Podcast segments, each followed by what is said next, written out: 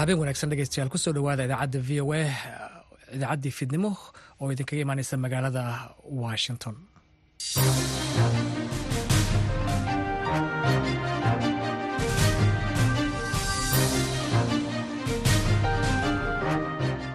Waa isniin bisha janaayo ee sanadka cusub ee kana waa waxaad naga dhegaysanaysaan muwjadaha gaaggaaban ee iyo mitirban iyo bogga v o a somali com idaacadda waxaa idin daadihinaya anigoo ah maxamed colaad xasan si loo dardargeliyo shaqada xukuumadda ra'iisul wasaare xamse cabdi barre waxa uu magacaabay xubnaha soo socda. Kow mudane maxamed cabdi xayir maareeye waxaa loo magacaabay wasiirka wasaaradda beeraha iyo waraabka. Labo mudane cabdisalaan cabdi cali cabdisalaan dhaay waxaa loo magacaabay wasiirka howlaha guud iyo guriyeynta kaasi waxa uu ahaa afyeenka xafiiska ra'iisul wasaaraha soomaaliya. Farxaan maxamed jimcaale oo ka hadlayey magacaabis uu ra'iisul wasaaraha soomaaliya maanta sameeyey waxaa kaloo aad dhegaysan doontaan oo qodobada aad maqli doontaan ka mid ah xulka ama kooxda galmudug oo ku guulaysatay koobka tartankii maamul goboleedyada ee muqdisho ka socday. Xubintii dooda gaaban barnaamijkii qurbe iyo qodobo kale ayaan idiin haynaa. Marka horese ku soo dhowaada warkii dunida oo aan idin akhriyo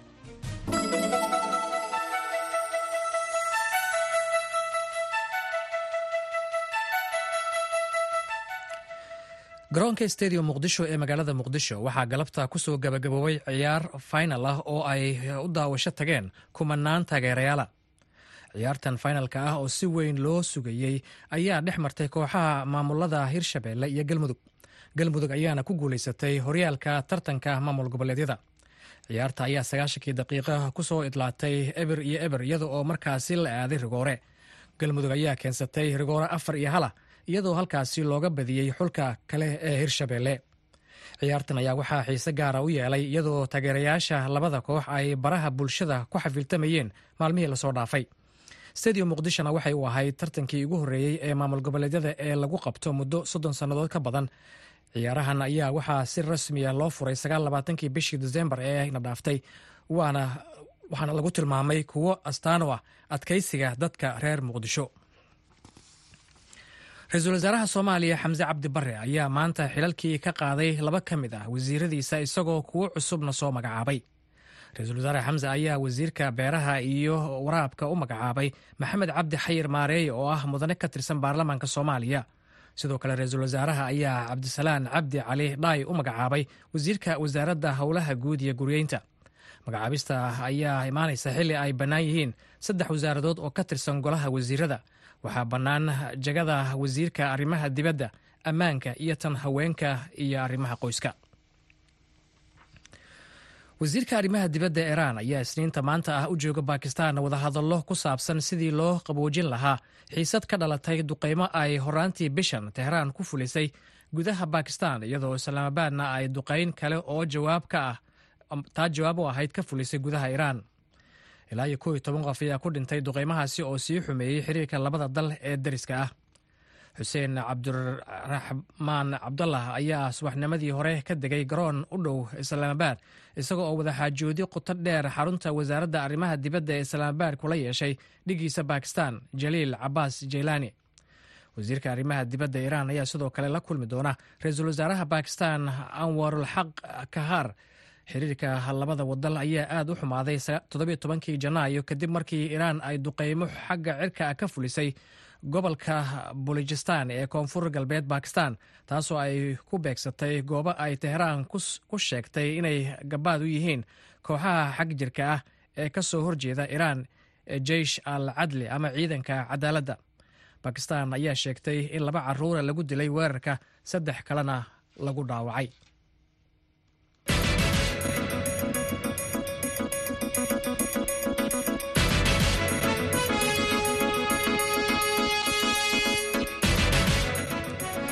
idaacadii caawa caalamka ama wararka dunida. Waxaad ka daawanaysaan telefishinka ama muuqaal aragga raadiyaha v o eda ee stuudiyaha afraad oo idinkaga imaanaya magaalada washington. Haatana aan muqdisho aadno. Aan ku bilowna ee garoonka stadium muqdisho waxaa goordhow ku soo gabagaboobay ciyaar final ah oo ay u daawasho tageen kumanaan taageerayaala. Ciyaartan finalka ah oo si weyn loo sugayey ayaa dhex martay kooxaha maamulada hirshabeelle iyo galmudug galmudug ayaana ku guulaysatay horyaalka tartanka maamul goboleedyada. Caashi ibraahim aadan ayaa cayaartan ka wareysatay wariyaha v o eda arrimaha cayaaraha uga soo warama mahad cali xidir. Caashe ibraahim aadan cashe waa mahadsantaha adiga iyo dhammaan bahda v o a iyo dhegeystayaasha v o eda haddii aan gudagalno ciyaartii galabta u dhexeysay xulalka galmudug iyo xulka kubadda cagta hirshabelle oo isugu yimid ciyaartii finalka aheyd oo galabta ka dhacday garoonka tuulada ciyaaraha istaadi muqdisho waxay ahayd ciyaar aada u xiiso badan oo runtii boqolaal kun oo taageerayaala ka soo qayb galeen kumanaan kun oo taageerayaala ay ka soo qayb galeen kuwaasoo u soo daawasho tagay ciyaartii finaalka ee galmudug iyo banaadir dhexmarisay caasho sagaashankii daqiiqo ee lagu talagalay kulanka finaalka wuxuu ku soo gabagaboobay eber iyo eber oo ay labada xul ismari waayeen ciyaartiina daqiiqado yar oo lagu daray waxaa la aaday kadib ciyaartii penalty ama rigoolayaala la aaday ama golkulaadyo sidaas galmudug iyo hirshabelle afar iyo labo waxaa ku badisay oo koobkii maamul goboleedyada iyo gobolka banaadir laba kun labaatan iyo saddexda jambion noqotay xulka kubadda cagta ee galmudug waayahay marka bal waxaad ka warantaa cayaartaasi jawiga guud haddii aada sawirto. Bal siduu ahaa garoonka magaalada muqdisho oo cayaar final ay ka dhacayso labada kooxood maalmihii u dambeeyey aad ayay diyaar garowga iyo iyo iyo isxamaasadgelinta labada dhinac aad ayay u badnayd. Bal jawiga guud waa sidaa sheegtay caasho garoonka iyo guud ahaan magaalada muqdisho caasimada soomaaliya waxay martigelisay tartankii maamul goboleedyada intii guud ahaanba la qabtaba muqdisho ayaa martigelisay ciyaarahan waxay ka duwanaayeen ciyaarihii hore oo la soo bilaabay laba kun lix iyo tobankii ilaa haatan waxay ahaayeen horta ciyaarihii ugu taageeraha badnaay ee ibid la qabto tartanka maamul goboleedyada iyo gobolka banaadir. Waxaa sidoo kale hayso laheyd oo runtii in la sheego mudan xulka kubadda cagta hirshabelle waa xulka keliya ee hal mar badiyey hal marna bareejo galay sidaasna finaalka ku yimid. Galmudug sidoo kaleeto waxaadi laga calaamidiyey waxaa ka mid ahaa xulka kubadda cagta galmudug waa xulka ugu goolasha badan ka dheliyay tartankan goolasha ugu badan waxaana noqdeen jambionka iyagoo laba kun iyo labaatankii xulka kubadda cagta banaadir finaalkii wada yimid sidaasna looga qaaday koobkii oo koobkan ay daafacanaysay xulka kubadda cagta ee caasimada ama banaadir galmudug waxay noqotay xulkii ugu horreeyey ee laba jeer finaal taga waxaana kula lamaansan xulka kubadda cagta ee puntland oo sanadkan aanan ka soo qeyb gelin koobka maamul goboleedyada iyo gobolka banaadir. Marka guud ahaan jawiga oo maanta la sheegay sida la qiyaasay in toddobaatan kun ilaa iyo siddeetan kun oo taageeraal ah ka soo qeyb galeen ciyaartii finaalka ee tulada ciyaaraha waxay ahayd runtii ciyaar ciyaar dhaaftay. Inkastoo ciyaarta maantay qeybta hore iyo qeybta dambeba ee qalalaase ay dhaceen oo taageerayaashii labada dhinac ee galmudug iyo hirshabelle weeye ay sameeyeen qalalaaso iyadoo markii dambena ay xusid mudan tahay in caashay booliiska ammaanka ciyaaraha istaadi muqdisho ay adeegsadeen sunta dadka ka ilmeysiisa oo runtii waxyaalo fara badan ay ka soo gaartay dadkii kumanaanka ahaa ee maanta u soo daawasho tegay ciyaarta galmudug iyo xulka kubadda cagta ee hirshabelle. Marka guud ahaan tartanka waxaa laga diiwaangeliyey. Waayahay intaad ka warqabto marka shaqaaqadii maanta dhacday ee xamaasadu keentay ma jiraa wax dhibaato ah oo ka dhashay oo soo gaaray taageerayaashii iyo cayaartooydii iyo guud ahaan dadkii garoonka yimid. Run ahaantii caasho weli horta lama xaqiijin inta qof ee ku waxyeelowday maanta rabshadii ka dhacay garoonka istaadi muqdisho hase yeeshee dhowr iyo toban qof oo la qaaday oo ambalaasyadu ay qaadeen ayaanu arkaynay. Marka waxay ahayd ciyaar iyo dad aada u fara badan ay yimaadeen garoonka waxayna ahayd runtii ciyaartii qalaasaah badneed marka laga soo tago ciyaartii dhex martay banaadir iyo hirshabelle oo markii dambe sababtay ciyaarta toddobaatan daqiiqa mareysa in la joojiyo oo kulankii sidaas lagu kala tagay. Marka kulankaani maanta ma mudneen in lagu kala tago runtii mana lagu kala tegin oo ciyaartii waa ay soo gabagabowday iyadoo ammaanka runtii aad iyo aada loo adkeeyey oo maanta boqolaal dhalinyaro ah oo booliiska ka tirsan laamaha ammaankaba la keenay garoonka isaga muqdisho marka waxyaala way jirtaa laakiin weli booliiska maysan ka hadlin maysan ka hadlin laamaha ammaanka. Maxaa ugu xiiso badnaa cayaarahan tartanka gobollada ama maamul goboleedyada ee ka dhacay magaalada muqdisho? Muddadii ay bilowdeen iyo cayaarihii soo dhacay maxaa ugu xiiso badnaa oo la xusi karaa hadda? Mar haddii cayaarihiin ay soo gabagaboobeen galmudugna ay koobkii sidaa ku qaadatay. Run ahaantii waxaaba aada u fara badan oo xiiso badan ayaa laga diiwaan geliyey ciyaaraha intii ay socdeen waxayna ahaayeen runtii ciyaaro isku keenay taageerayaal xamaaseysan oo runtii la dhihi karo waa taageerayaashii ugu badnaa idid garoonka isaga muqdisho ciyaaraha ka daawada tan iyo kun iyo sagaal boqol iyo sideetan iyo sagaalkii sida taarikhda ku hayno.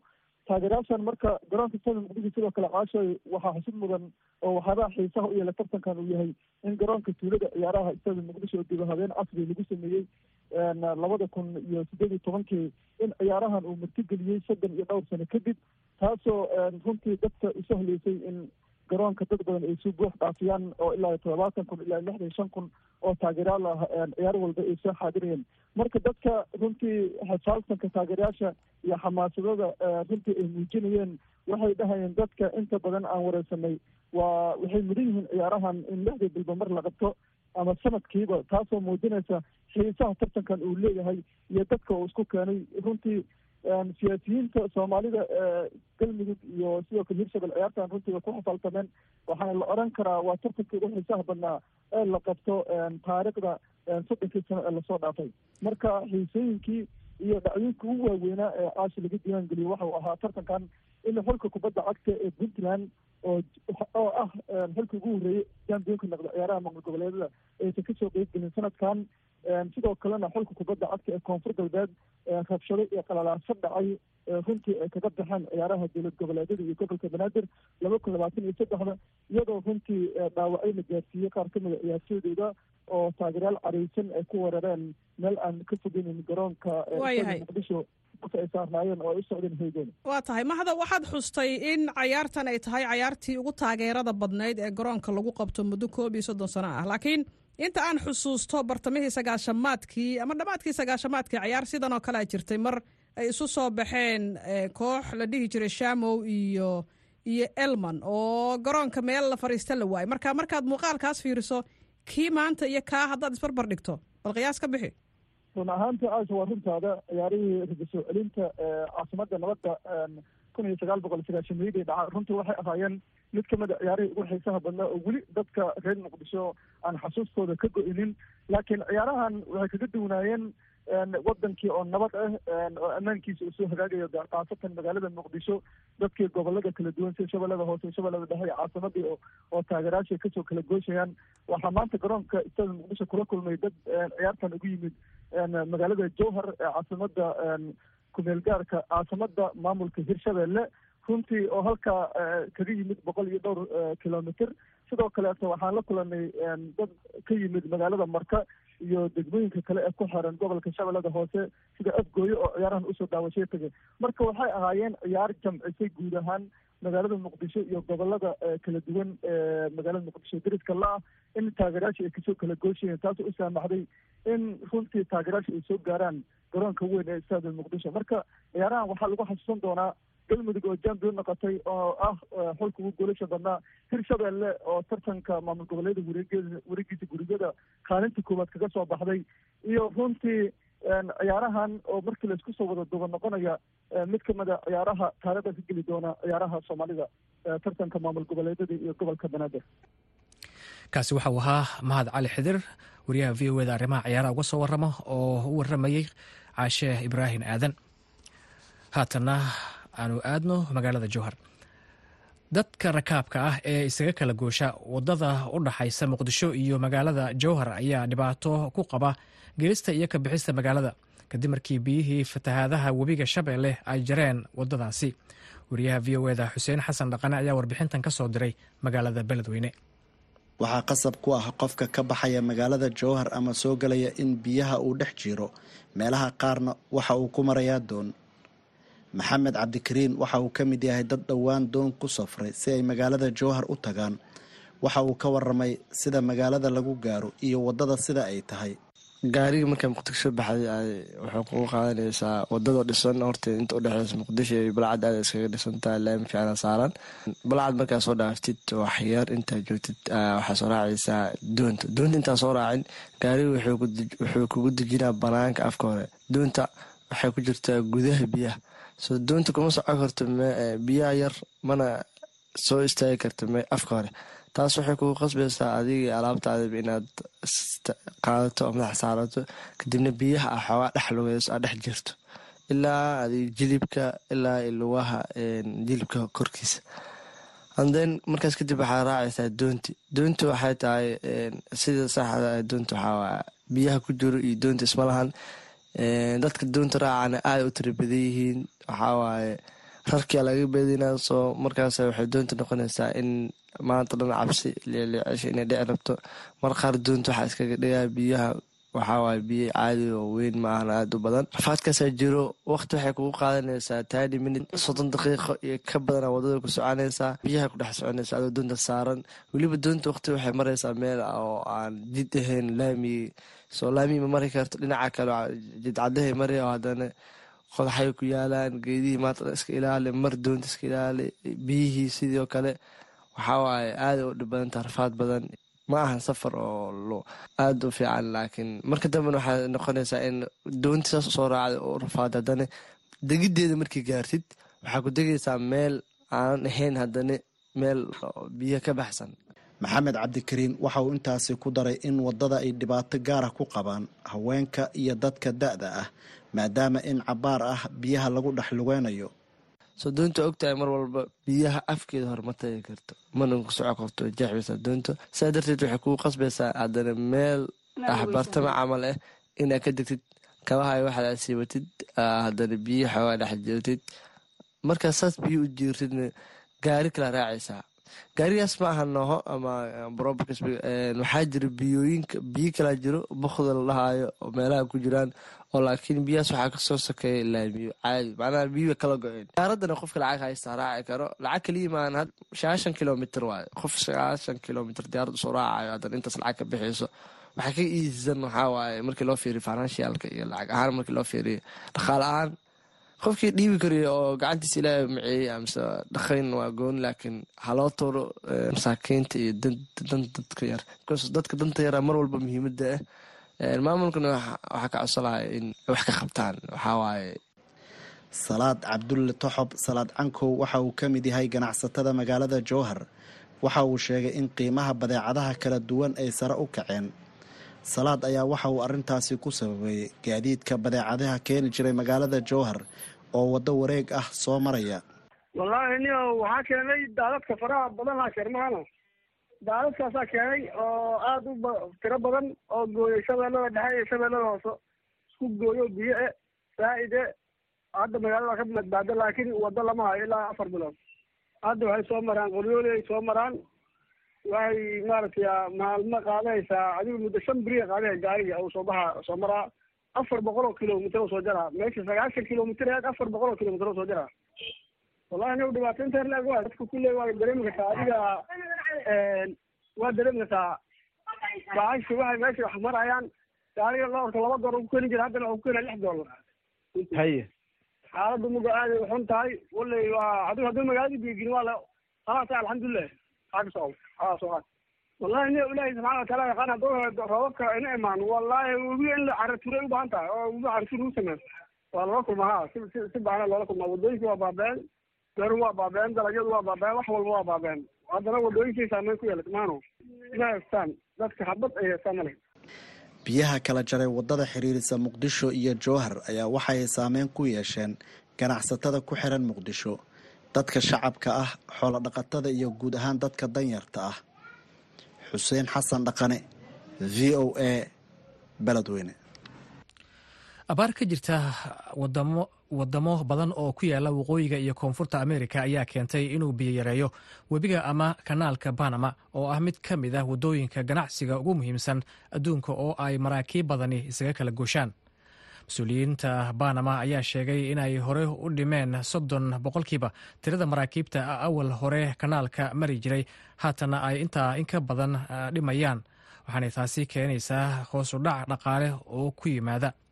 Saare ciila nuur ayaa inoo haysa warbixin ay v o edu arrintaasi ka qortay dalka banama oo ku yaalla bartamaha qaaradda ameerika islamarkaana xuduud la leh karebiyanka iyo badweynta baasifiga ayuu ku yaalaa marinbiyoodka baaxadda leh ee ay maraan doonyaha iyo maraakiibta ganacsiga dunida qaarkood. Mas'uuliyiinta banama ayaa muujiyey inuu ku soo fool leeyay dhaawac dhaqaale oo ay abaartaasi sababtay kaasi oo ka sii xoogan hoosu dhicii dhaqaale ee sannadkii hore ay wajaheen madaxda banama waxa ay sheegeen in dhaqaalaha ay filayaan inuu sanadkan labada kun iyo afar iyo labaatanka uga soo xoroodo kanaalkaasi waxa uu gaadhayaa ilaa laba boqol oo milyan iyadoo la barbar dhigayo qiyaastii sannadkii hore ka soo gashay oo ahayd inta u dhexaysa shan boqol ilaa toddoba boqol oo milyan. Meelaha ay abaartani saamaysay waxaa ka mida dalka maraykanka kadib markii ay yaraadeen doomaha ama maraakiibta shixnadaha kala duwan keeni jiray taasi oo shaki gelisay in kanaalkaasi lagu sii kalsoonaan karo inay maraan maraakiibta caalamiga ahi. Waxaana sare u kacay walaaca laga qabo saameynta ay ku yeelan karto ganacsiga caalamiga ah.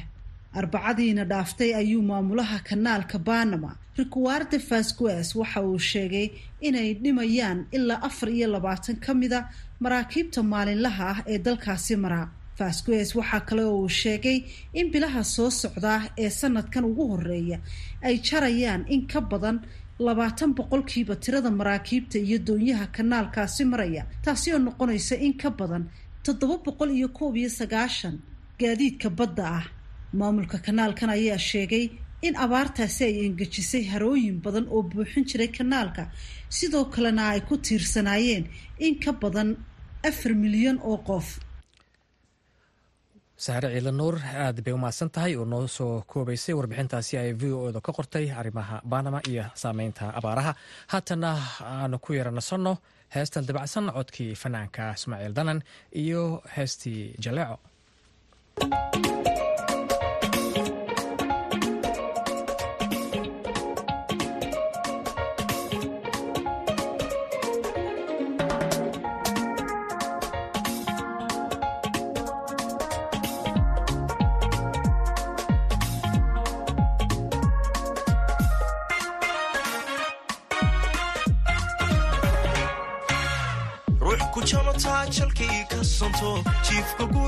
joogsan weyde jannoy bilcanida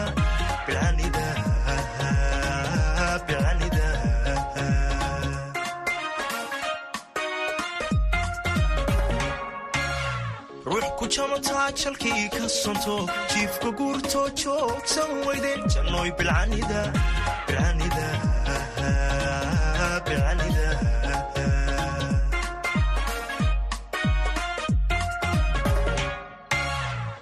wanjiboodee juuqsaliida jiridhacoodee jalaqsan samida oo jalbeeb wacanjaar la ihida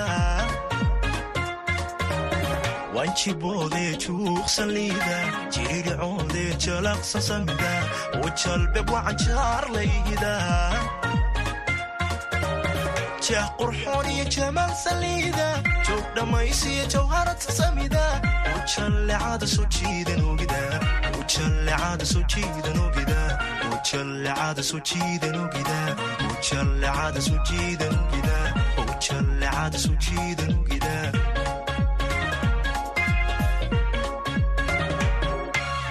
jah qurxoon iyo jamaal saliida joog dhammaysiyo jawharad sasamida ujallecada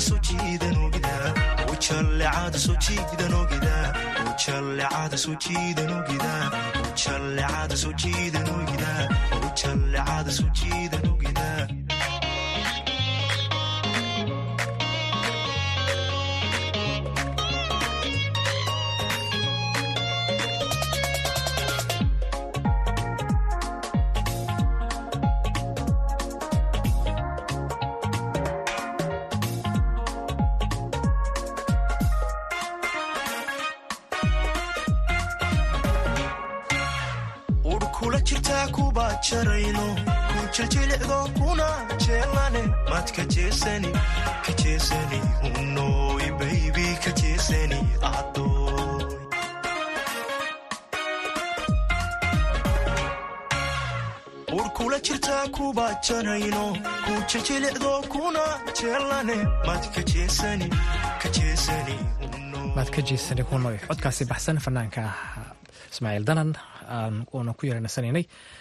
haatana somalilan waxaa magaalada hargeysa maanta ka ambabaxay sagaal iyo sideetan sideed iyo sagaashan arday oo deeq waxbarasho oo ka kooban heerka labaad ee waxbarashada jaamacadaha iyo shahaadada sare ee b h d da kuwaas oo waxbarashadooda ku soo qaadan doona afar jaamacadood oo ku yaalla dalka ethoobiya sida ay sheegeen guddiga tacliinta sare ee somalilan warkan waxaa hargeysa ka soo diray waryaha v o eda qadar maxamed cakule tiradan ardayda ah ee u anbabaxay waddanka etoobiya kadib markii ay deeq waxbarasho ka heleen islamarkaana ay sii ambabixiyeen guddiga tacliinta sare ee somalilan ayaa waxa ay u kala qaybsami doonaan heerka labaad iyo heerka saddexaad ee waxbarashada jaamacadaha. Agaasimaha guud ee guddiga tacliinta sare somalilan ibraahim aamin gadiid ayaa faahfaahin ka bixiyey goobaha ay waxbarashadooda u tegayaan ardaydii sagaashan iyo siddeedda arday ahayd ee imtixaankii labaad ee b h d-ga iyo mastarka ka gudbay oo nasiib u yeeshay maanta inaynu halkan ka sagootino ay ka ambabaxaan iyagoo u kala baxbixi doona afar jaamacadood oo kala ah jaamacadda adhaamo la yidhaahdo adhaamo unbaad garanaysiin waa jaamacadda magaceeda laakiin magaalada la tegaya waa naasareed naasareed baynu garanaynaa haddii la yidhaahdo. Oo magaaladu waa naasareed weeyaan. Ardayda kale ee muxuu ahaa tegaysa magaalada walleeta soodha iyo arday tegaysa jaamacadda jiima iyo arday tegaysa jaamacadda xaramaayo afartaa jaamacadood ardayda u kala baxayaan. Waxayna iskugu jiraan. Waa b h d iyo muxuu ahaa iyo master. Keliya waxa weheliya shan arday oo jaamacadda adhaamo ku qornaa. Ardaydii digriiga ahaa oo waagii jaamacaddu ka buuxsantay. Laakiin maanta nasiib wanaag u helay in ay ka mid noqdaan jaamacadda muxuu ahaa la yidhaahdo waleeta soora. Shantaa arday baa hogaaminaya. Waxaa hareerahayga taagan mudana guddoomiyey iyo waalidiinhaanba halkan waxay la joogtaa nimco cabdinuur. Waa inanta qur ah ee ku guulaysatay imtixaankii b h d-ga ahaa. Ardaydii gashay toban arday baa laynaga doonayey qoladan iminka aynu dhex joognaay ardaydan iminka aynu la taaganahay waxay ahaayeen ardaydii guusha badan ka soo hoysay imtixaanaadkii halkan lagu galay oo ay ka qayb qaateen dhammaan ardaydii jaamacadaha masarka iyo b h d-ga gelaysa dalka etoobiya u gashay guddoomiyaha guddiga tacliinta sare ee somalilan rofeser saleebaan dirir ayaa isaguna isdul taagay inuu faahfaahin ka bixiyo noocyada ardayda iyo dadaalada imtixaankan ay ku guulaysteen ka sameeyeen. Sidii uu agaasimaha guud sheegay hareerahayga waxaa taagan laba arday oo yuniik ahoo ardayna waa ardaygii u wada sarreeyey. Oo weliba lagu yidhi ardaygaasi ceelaf weyn buu ka yimi. Waxaan filayaa qolada reer ceelaf weyn ee hawshooda loo fadhiyo inay xaggana yaqaaniin oo xagga maaragtay waxbarashadana inaanay ka madhnayn waa ardaygii u wada sarreeyey. Taasi waxaan filayaa inay odayaasha iyo salaadiinta iyo ciidamada jooga inay diilo u tahay ardaygii ugu sarreeyey imtixaankii la weyto inuu reer celifay noqdo. Nimcana waxa weeye waa lafla waa dhagax waxay kala soo baxday b h d da meel aan cidina aanay qiyaasayn waxaan filayaa gabdhuhu way ku yar yihiin marka labadooda iyo ardayda tan arrinka layaab kale waxa weeye qolada idinka horraysay iyo qoladan base lay sheegay. Waa arday disiblinkooda iyo yacni magaranaysa akhlaaqdooda iyo amar qaadashadooduba ay aad iyo aad ay u hufan tahay. Iminka waalidiintii iyo dee guryihi ka tagtay.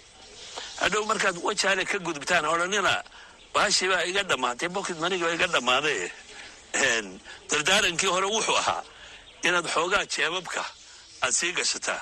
Maxaa yeelay jaamacadaha aad tegaysaan waxa weeye waxaa la siinayaa hurdo cunto waxbarasho iyo arrimaha.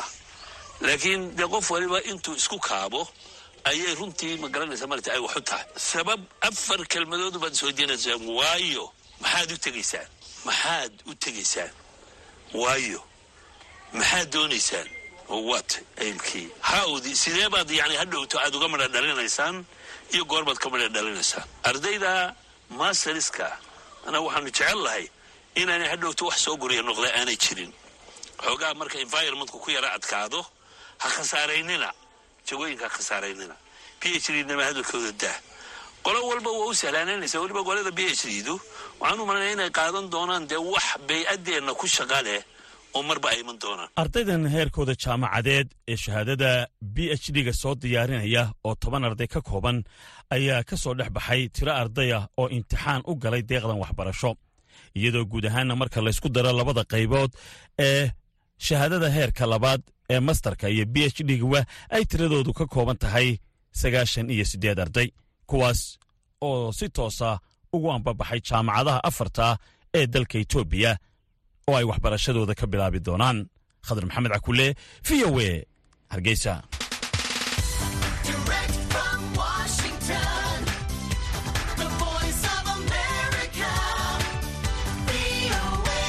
Fiid wanaagsan dhegaystayaal ku soo dhowaada barnaamijka toddobaadlaha ah ee caweyska dhadhaab kaas oo idinkaga imaanaya la'aanta afka soomaaliga ee v o a radioga xeryaha dhadhaab barnaamijka toddobaad walba waxaad ku dhegaysataan labada mawduuc ee igu hadalheynta badan yihiin bulshooyinka ku nool xeryaha qaxootiga iyadoo dhegaystayaasheena dhadhaab iyo deegaanada ku xeeran ay si toosan uga dhegaysan karaan idaacadda f m-ka v o eda dhadhaab ee ka soo gasha mawjada f m-ka hal ibir lix dhibic todoba megahartis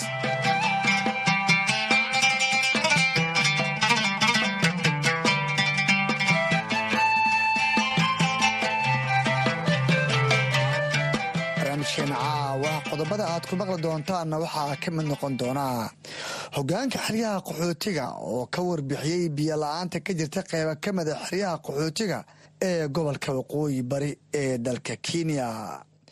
Sidoo kale barnaamijka waxaa qeyb ka ah boqolaal ruux oo ka mida qaxootiga ku nool xeryaha oo ka faa'iidaystay mashruuc nafiiqisa oo ay maalgeliyeen jaaliyadda soomaaliyeed ee ku nool dalka maraykanka kama marna xubintii shakhsiga oo toddobaadkan marti ku yahay guddoomiyaha midowda dhallinyarada xerada xagardheera oo ka warbixin doona dhibaatada tahriibka uu ku leeyahay nolosha da'yarta ee ku nool xeryaha qaxootiga. Barnaamijka waxaa idinla socodsiinaya anigoo ah cabdisalaan axmed. Xeryaha dhadhaab ee dalka kenya ayaa saldhig u ah qaxooti ka soo jeeda dalal kala duwan balse u badan soomaali kuwaasoo xeryaha soo gaaray bilowgii sagaashamaadkii xilligaas oo dagaalo ahli ah ay ka qarxeen gudaha soomaaliya. Qaxootigan oo in ka badan soddon sano taageero bini-aadinimo ka helayay hay'adaha caalamiga ah ayaa sanadihii tegay ka cabanayay biyo la'aan ka jirta guud ahaan xeryaha iyadoo kumanaan qaxooti ah ay ku soo biirayaan diiwaanka xafiiska arrimaha qaxootiga taas oo saameyn ku yeelatay gargaarka yar ee sanadlaha ah ee lagu caawiyo qaxootiga ku jira xeryaha. Haddaba maxaa sababay biyoyarada xaalwaaga u muuqata ee ka jirta xeryaha? Waxaan arrimahaasi ka wareysanay cabdulaahi cali aadan geedow oo ka mid ah hogaamiyaasha xeryaha cabdisalaanow saad og tahayba biila-aan way jirtaa oo maalin dhow roobka u imaaday oo mataqaanay waddooyinka ay xirmeen waa tii biyaha la waayey dadka qaxootiga ay banaanka biyaha ay ka dhaansanayeen oo shidaal baa la waayey la dhahayay bishii hadda aan soo dhaafnay bishii labaiy tobnaad bishii koowaad shidaal la'aan baa jirtay. Haddana qoraxdii baa aad u sii kulaatay oo dadkii qofkii litir biyo cabi laba litir buu hadda cabaa marka xagga dhibaato way ka jirta oo shidaal la'aanta ama shidaalka yaraaday ama soolaradii oo mataqaana shaqo aan haynin oo dayactir fara badan aan lagu samayn sababtoo soolarka haddii dayactir aan lagu samaynin de ma shaqayn waxba shaqa ma qabana. Waxaa arkaysa soolar iska taagan oo motoor saaran aan shaqaynayn dhowr bilood aan shaqaynayn marka taana waxaa weye dayactirtii ma laha dhaqaalihii wax lagu kaabay ma jira marka biyihiin hoos bay u dhaceen oo mataqaanaa biyihii water levelka hoos buu dhacay. Saacaddii motoorka wuxuu soo saari jiray ka yarbu hadda soo saara. Marka waxaasoo dhan oo isku darjama taas ayaa sabtay in oonkii uu sii kordho dadkii ay biyi waayaan. Waxaa kaloo intaa dheer dad fara badan oo aan u diiwaangashaneen ayaa micnaha jooga qaxootiga oon shidaalkan dadka la siina aan lagu xisaabaynin marka qoysba qoys baa kor saaran. Dadki marka maadaama culeyskaa uu jiro oonka horta waxaasaa keena qoraxdii kulal iyo dadkii farabatay waayahay xaafadaha qaarna waxaa dhacdo in qoys ka kooban dhowr iyo toban qof hal labaatanle ay maalintii helaan. Nidaamka caadiga ah ee biyasiinta qaxootiga calaa qofkii imsilitar ayuu xaquuqahaan u lahaa markii hore. Qof kastoo qaxootiga wuxuu xuquuq u leeyahay qof kastoo biniaadan nool wuxuu xuquuq u leeyahy shan iyo toban litir oo biyo maalinka inuu qaato unhrna waxay wax ku bixisaa dadka u ayay wax ku bixisaa dadkan hadda la diiwaangelinayo oo tirikoobka hadda la marinayo oo la rajistar garayn xuquuqdooda jirtaa. Xaggaa la aadinaya sababtoo raashinkooda iyo biyahooda waxooda xaggay jiraan. Haase ahaatee weli hadee wax official communication ma jiro weli dadka raray ma dadkii dhagaxley baa joogaan if ay joogaan xagadheer bay joogaan. Waxayna la qaybsanayaan intii yareedoo mataqaana dadka loogu tagay baa la qaybsanayaan waxaad arkaysaa qoys intaasoo qoys ay dul saaran yihiin biyo yarna ay dhaansanayaan waxaa kaloo hadda caqabad kale ah biyihii markay motoorka u soo sii daayo oo beybka direct pumping loo sameeyo waxaa laga yaabaa tusaalahan a biyihii inay xoog ku gaaraan wixii ka dambeeya sida eight iyo nine iyo ten oo kale biyihiiba biyi yaroo dalaliq baa soo gaara. Marka waxaa laga yaabaa soddon daqiiq tubad inay soconin oo biyaba ayna helin dadkaas. Marka culeysada ugu weyn waxaa inta badan xaafadaha ay saaranta waxaa ka mid a xaafadaha haamaha dhadheer aan u dhoweyn ama xaafadaha haamahooda ay dilaaceen oo biyo aan lagu shubaynin ayaa inta badan oonka u ka jiraa oonkaas saasa uu ku saameeyey. Waa tahay xerada tan dhagaxley ee aad maamulka ka tahay qaxootiga ka diiwaan gashan ee sida saxda u n z r hoos yimaado ilaa imsa ay gareen inta hadda la diiwaangeliyey baahanaha waana dhow la diiwaangeliyey dadka hore qaxooti hore u deganaa kun waaye. Laakiinse dad fara badan oo waxaa jira weli mataqaana aan la diiwaangelin oo ilaa lagu qiyaasay afartan kun oo qof oo dhagaxley keliya jooga weli aan la diiwaangelin. Aad buu u mahadsan yahay kaasna wuxuu ahaa cabdulaahi geedow oo ah guddoomiyaha xerada dhagaxley ee kaamka dhadhaab oo noogu waramay gudaha xeryaha qaxootiga ee gobolka waqooyi bari dhinaca kale qaar ka mida qaxootiga danyarta ee ku nool saddexda xero ayaa ka warbixiyey dhibaatada xilliyada qaar ay u maraan. Helitaanka biyo ay cabaan iyadoo qaxootigaasi qaarkiis aysan heli karin. Gaarigacanadaasi ay biyaha uga doontaan. Deegaanada ku xiran xeryaha qaxootiga waa kuwan qaar ka mida qaxootigaasi oo u waramay barnaamijka caweyska dhadhaab. Faadime maxamed guuraa laydhahaa waxaan ku noolahay balog g ayaan ku noolahay. Waxaan nahay afar qoos oo isdul degan afartaanada qoos weel wax lagu dhaqin ma leh. Wax ilmihii wax loogu karin ma leh. Biyi intaan ka orday gabar waa xaamilo. Tuu ilmo yarar bay haysataa intaan ka cararay. Waxaan tegey meesha tarasgataan tegay. Caag baan dusha kaga keenay. Ma weel baan ku dhaqani ma faraa lagu dhaqani ma ilmaa raashiin loogu karini. Wax dhici kara maaha. Biyaha aad aad igu dheer. Ilmahayna shan cunug marmar halka caagaanba helayninbo oon dadka baloogyaha koraan biyo ka soo qaadana aan ka soo tuugsana aadi aaday noogu dheeryihin biyaha qabees maxay tahay halka caagaanba helaynin. Maalin walba ee baloogyaha kale aan ka soo qaadanaaba qabees ma jira ilmahan waxbarasheenna ugu jiraan. Qabees male cabitaan fiican male cuno fiican male wax waxaad ku karsata mahelays waxaad afar iyo labaatan saac cunug oo iskool jiro. Markuu ku imaado iyo waxaad ku qabaysad aad rabta adigu qabays waxaa dhar ugu dhaqdaad rabtaa ma heli kartid? Bal ka waran labaatan liitar qoys intaa laga ma ku filan tahay? Wallaahi ilaa iyo toban caagan ugu filnaan leen ma bahayno nin qaxooti joogo siigadan oo carruur iskool iyo waxbarashii dugsi ugu jiraan oo aan heli karin aan awoodinaan saakir laba caagan duuba ka soo dhaansaday ma ku qabaysta mis ilmahan wax ku siista aad bay u mahadsan yihiin. Kuwaasna waxay ahaayeen qaar ka mid ah cododka qaxootiga oo ka warbixinayay heerka biyo la'aanta ee ka jirta xeryaha iyadoo qaxooti fara badan ay belihii la soo dhaafay soo gaareen xeryaha dhadhaab ee dalka kenya dhinaca kale maamulka xeryaha ayaan wax ka weydiinay. Biyogelinta loo sameynaya suuqyada ganacsiga iyo saameynta ay ku yeelan karto qaxootigan ka cabanaya biyo la'aanta ka jirta qeyba ka mida xeryaha. Waayahay cabdulaahi dhinaca kale qaxootiga waxay ka cabanayaan oo ay sheegayaan in biyihii qaybo ka mida suuqadii ganacsi ahaan loo geliyey oo biyihii ay cabi lahaayeen loo weeciyey ganacsato xeryaha ku nool. Arintaasi ma isweydiiseen saad og tahayba arrintan hadda oo dadkan ganacsatada ah waa mashruuc oo u n h r iyo hay'adaha deeqbixiyaasha ay ku wada heshiiyeen. Waaye qolada deeqbixiyaasha biyaha lacagtooda bixinaya ee waxay dhaheen biyahan la gadayo waa in mataqaana gooni laga dhigaa waa inay shidaal gataan. Saad og tahay dhagaxley iyo ifo xagardheer mashruucyadaas way ka furan yihiin. Waa mashruuc qaxootigii iyo deegaanka dad intii la isku daray shidaalkoona ayagaa la baxaya inta maalinkii ay biyo ay maalinkii haantooda loogu shibay shidaalkooda ee bisha yaa laga qaadaya. Marka nimankaa laakiin waxaa loo sameeyey baab gooni haan gooni loo sameeyey baiban gooni loo sameeyey hadda bini aadan qalad wuu iska dhici karaa waxaa laga yaabaa wax markii qof wax uu samaynayo wax qalad wuu dhici karaa. Laakiin an hadsaan ognahay nimankaas in haan ay leeyihiin saacado la siiyey oo waqti saacado gooni biyahooda loo dhaamiyo ayagana dadka ay ka gataan. Marka taa waxay marka shaki badan ku abuurtay dad fara badan oo dhahaya biyihii qaxootiga baa la leexsaday baybkii qaxootiga baa la leexsaday. Laakiin weli maan arkay caddayn annaga waayahay wax dabagala ma samayseen oo arrintaasi aad u ogaataan xalna loo helo maadaama hadallada ay soo laalaabanayaan.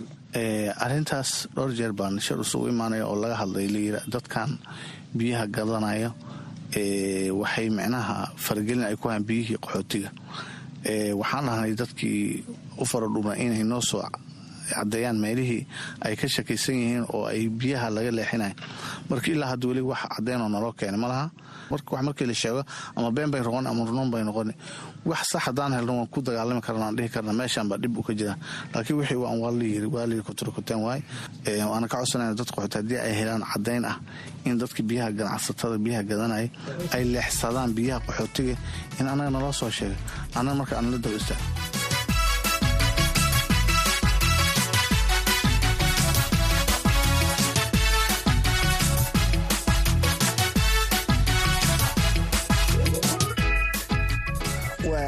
waxaan soo gaarnay qaybihii dhexe ee barnaamijka caweyska dhadhaab oo si toosa idinkaga imaanaya lahaanta afka soomaaliga ee v o a. Waxaa idinku soo maqan xirmooyin kale oo ku aadan isla wararka qaxootiga oo barnaamijka caawa aad ku maqli doontaan balse iminka aadinku wareejiyo saaxiibkay axmed cabdulaahi jaamac oo stuudiyaha igula sugan sow nagu soo tabiyo barnaamijka qaybihiisa kale. Mahadsanid cabdisalaan axmed dhegaystayaal waxaad nagala socotaan barnaamijka caweyska dhadhaab oo aad ka dhegaysanaysaan. Laanta afka soomaaliga ee idaacadda v o a waxaana uu barnaamijku si toosa idinkaga imanayaa xeryaha dhadhaab ee gobolka waqooyi bari ee kenya. Ku soo dhowaada warbixinno kale oo la xiriira nolosha dadka ku nool xeryaha qaxootiga oo qayb ka ah barnaamijka caweyska dhadhaab ee toddobaadkan. Waxaa ka mid a qodobada aad ku maqli doontaan xubintii shaqsiga oo toddobaadkan uu marti noogu yahay maxamed cabdulaahi jimcaale gudoomiyaha dalladda ururada dhallinyarada xagardheer oo aan ka waraystay faleel tahriib ah oo aada ugu soo badanaya xeryaha qaxootiga ee dhadhaab. Waxaad kale oo maqli doontaan dad danyar ah oo qalliinan dhafiiq lacag la'aana loogu sameeyey xeryaha dhadhaab. Haddii aan ku bilaabo dhegaystayaal xubinta shaqsiga waayadii dambe waxaa aada u soo kordhayay xeryaha qaxootiga safaro tahriiba oo dhallinyaradu ay naftooda ku biimaynayaan gudoomiyaha dalladda ururada dhallinyarada xagardheer ayaan ka waraystay waxaa ka xafiis dhallinyaro ahaan ay ka og yihiin dhallinyarada xeryaha ka tahriibaya iyo sida wax looga qaban karo. Arrinkaas waan la soconnaa. Waa arrin sannadihii hore bilowday laakiin aad u yaraa. Sanadkii hadda u dambeeyey ay aad u soo bateen in dhallinyarada ay go'aansadaan inay tahriibaan sababaha aan is leeyahay dhallinyarada xilligan ku soo beegay inay aad u tahriibaanna waxaa waaye in noloshii qaxootiga ee dhallinyaradaasi ay ku noolaayeen ay aad u adkaanayso in dhallinyaradii kuwoodii xitaa wax bartay aysan wax shaqaa helaynin oo xaafadda xaafadaha idol ay ku yihiin oo waxba aysan qabanaynin. Marka dhallinyarada quus ka taagan xaryaha qaxootiga darteed ayaa ku riixaysa inay tahriibaan. Marka ka annaga ka dhallinyaro ahaan xafiiskeena markay arrimahan ay soo baxeen waxaan samaynay xog uruurin waxaan la kulannay waalidiin ay ka baxeen dhallinyaro badan. Waxaan ogaanay dhallinyarada tahriibayso inay yihiin kuwooda danyarta ah. Kuwa ka soo jeeda qoysaska danyarta ah ayaa ugu badan kuwa baxaya. Waxayna rabaan in nolol noloshan dhaanta inay naftooda iyo nafta qoyskoodaba ay u raadiyaan. Marka arrimahaas isbiirsaday ayaa keenaya in dhalinyaro xilligan ay tahriibaan. Xeryaha waxaa dambe aada ugu yaraaday ee dibudejinta iyo waddamadii qaadan jiray qaxootiga qoysas dibadda u qaadi jiray kuwii wax qaadan jirayna waxaa raagay dadkii ay brosesyada mariyeen. Dhallinyarada qaarkood hadda baxayna waxaan la ii sheegay inay yihiin kuwa qaarkood toban sano ee ka badan sugayay leyman ma ka mid tahay rajabeelka dhinaca dibudejinta oo xumaaday dhallinyarada inay cararaan dabcan way ka mid tahay sababtooy tahay arrimaha buufiska ama dib u dejinta sanooyinkii ugu dambeeyey sanadba sanadka ka sii dambeeya. Aad bay u sii yaraanayeen. Hay'adaha samafalkana waxay noo sheegeen in sanadba sanadka ka sii dambeeya. Aan rajo badan laga sii qabin in dad badan ay helaan buufiska. Hase ahaatee dadkii helay arrimaha buufiska ha u badnaadeen wadanka maraykanka oo kale xiliyadii uu imaanaya madaxweyne trump oo kale qadka ayaa laga saaray dadka soomaalida oo kale dibudejinta uu helay. Kiisaskoodii waxaa la geliyey hakadaa la geliyey markuu baxay kabacdaa la soo nooleeyey oo waxoogaa dhaqdhaqaaqa bilowday haddana wax dhaqaaqay oo hadda oo la sheegi karo macnaha la taaban karo malaha marka wadamadii wax qaadan jira oo yaraaday kuwii la qaatay oo broseskooda ilaa labaatan sana labaatan iyo dhowr sana ay qaadanayso ayaa sabab u ah waxyaabahaas. Marka dabcan qayb bay ka tahay. Ogaalka waa imisa tirada dhallinyarada ah ee tahriibtay sannadkii hore ee labadii kun iyo saddex iyo labaatankii ee dhammaaday ilaa sanad kale aan ku jirno bishan january walaahi maalinba maalinka ka dambeysa tirada way sii badanaysaa laakiin intaa ognahay hadda waa tiro boqol ka badan sannadkii dadkii baxay waa tiro boqol ka badan intaan ognahay. Laakiin maalinba maalintii ka sii dambeysa tiradaas way sii badanaysaa. Idinka ka xafiis urur dhallinyaro ahaan ama ururada kale ee xeryaha ka jira ee dhallinyarada waa maxay doorkiinu annaga ka dhallinyaro ahaan waxayna waxaa waaye si tubaracada ayaan dhallinyarada u caabinaa. Waa inaan wacyigelin sameyno oo dhallinyarada aan wacyigelino dhibaatada tahriibka ay leedahay inaan ka wacyigelino in hay'adaha aan la wadaagno xogtan ah hay'adaha samafalka ee ka shaqeeya xeryaha qaxootiga dhadhaab inaan la wadaagno xogtan dhallinyaradan tahriibayso sanadkan sannadan dambe aad u soo badanaysa inaan la wadaagno oo wixii laga qaban lahay hay'adahaas annagoo kaashanayna aan wacyigelin samayno tababaro samayno in barnaamijyo shaqa abuur ah loo sameeyo dhallinyaradaasi ayaan hadda advokasigiisa ama doodeeda aan wadnaa waana wax aan mar hore aan la wadaagnay. Hay'adahana welina waan la sii wadaagi doonaa. Hadda ka dhallinyar ahaanna waxaan wadnaa wacyigelin oo dhallinyarada aan kaga wacyigelinayno dhibaatada tahriibka ay leedahay aan u sheegayno fursadaha yaryar ee ka jira xeryaha qaxootiga dhexdooda taasoo sababi karta inay dhaqaala ay ka sameeyaan xerada gudaheeda. Berigii hore hay'adu waxay qaban jireen oo ay siin jireen dhallinyarada markay ka baxaan iskuullada iyo kuwa aan iskuullada dhexda uga tegay iyo kuwa iyaga waaweyn yimi oo aan iskuullada hoose la qabsan karin. Waxaa loo samayn jiray tababaro sida xaruntii yeb oo kale xarumo tababara lagu qabtaa jiray marka tababara la sameeyana waxaa la samayn jiray wax ay wax ku bilaabaan xirfadaha la bari jiray.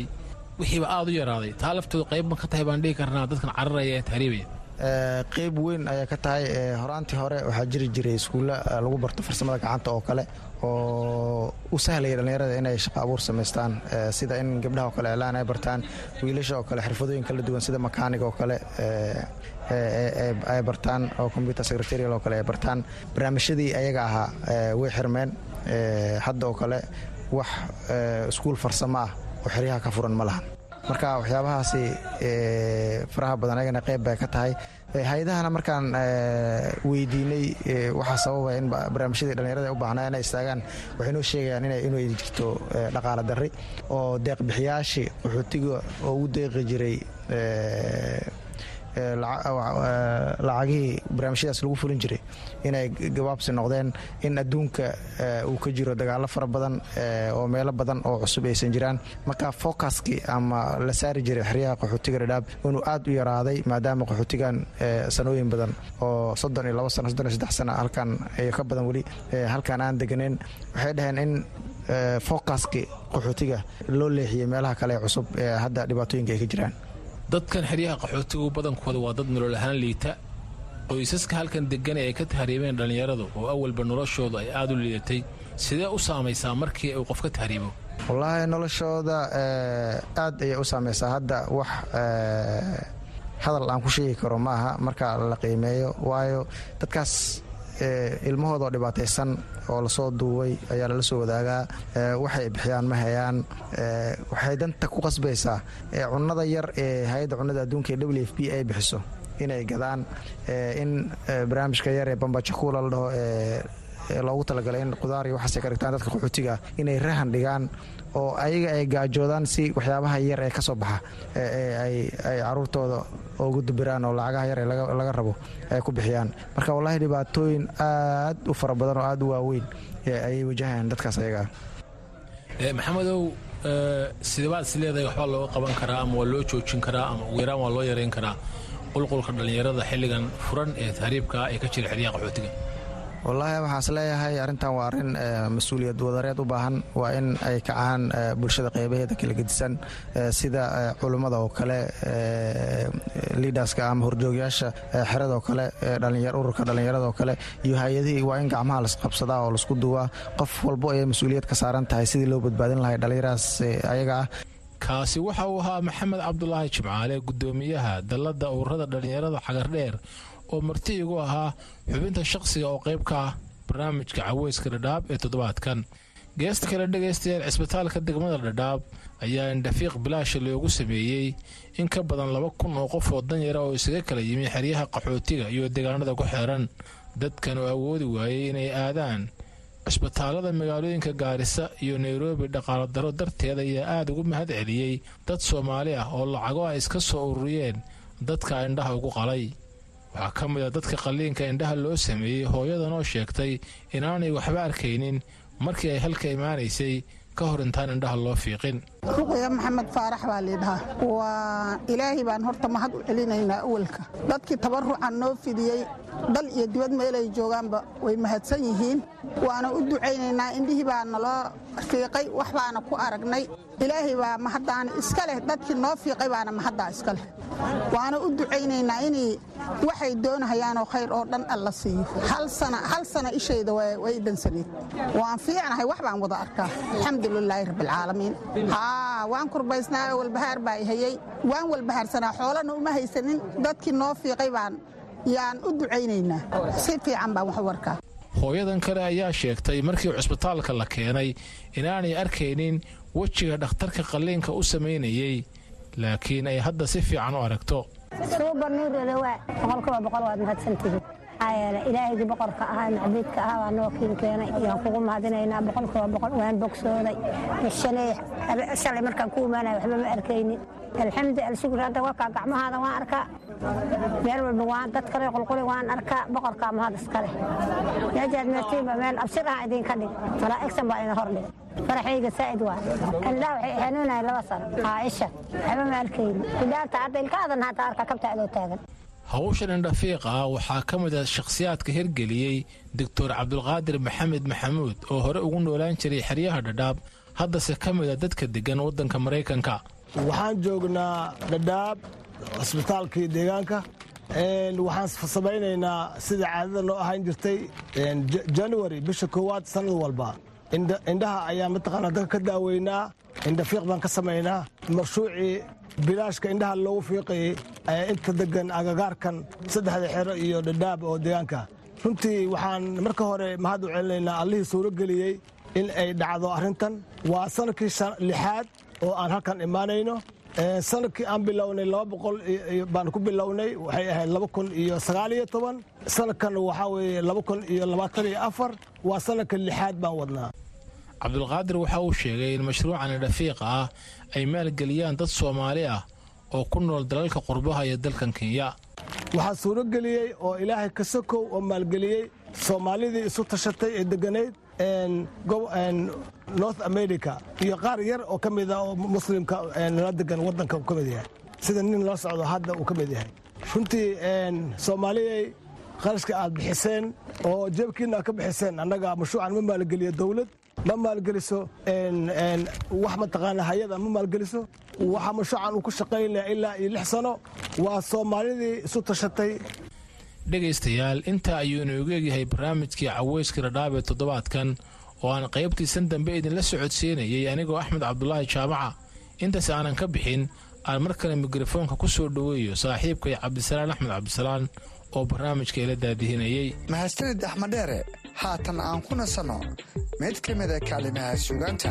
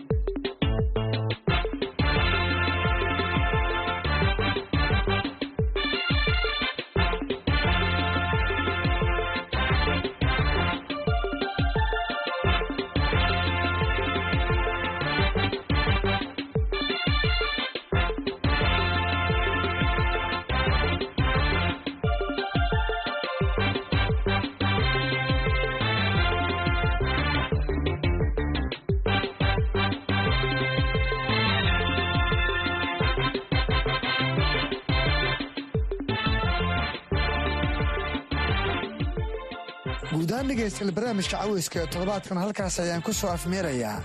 Barnaamijka waxaa idiin soo tibanayay aniga waa cabdisalaan salas iyo saaxiibkay axmed deere tan iyo toddobaadka dambe intaa dib u kulmi doono waxaan idinku dhaafayaa. Ammaana allah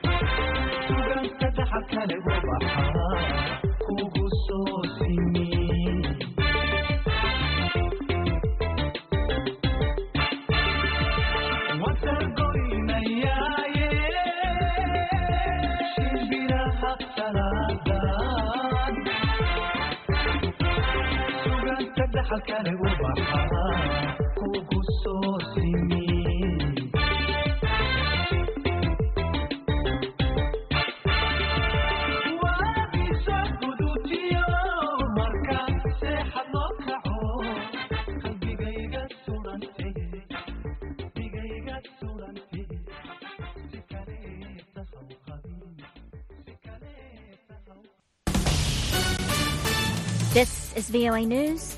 I'm Laurel Bowman. Washington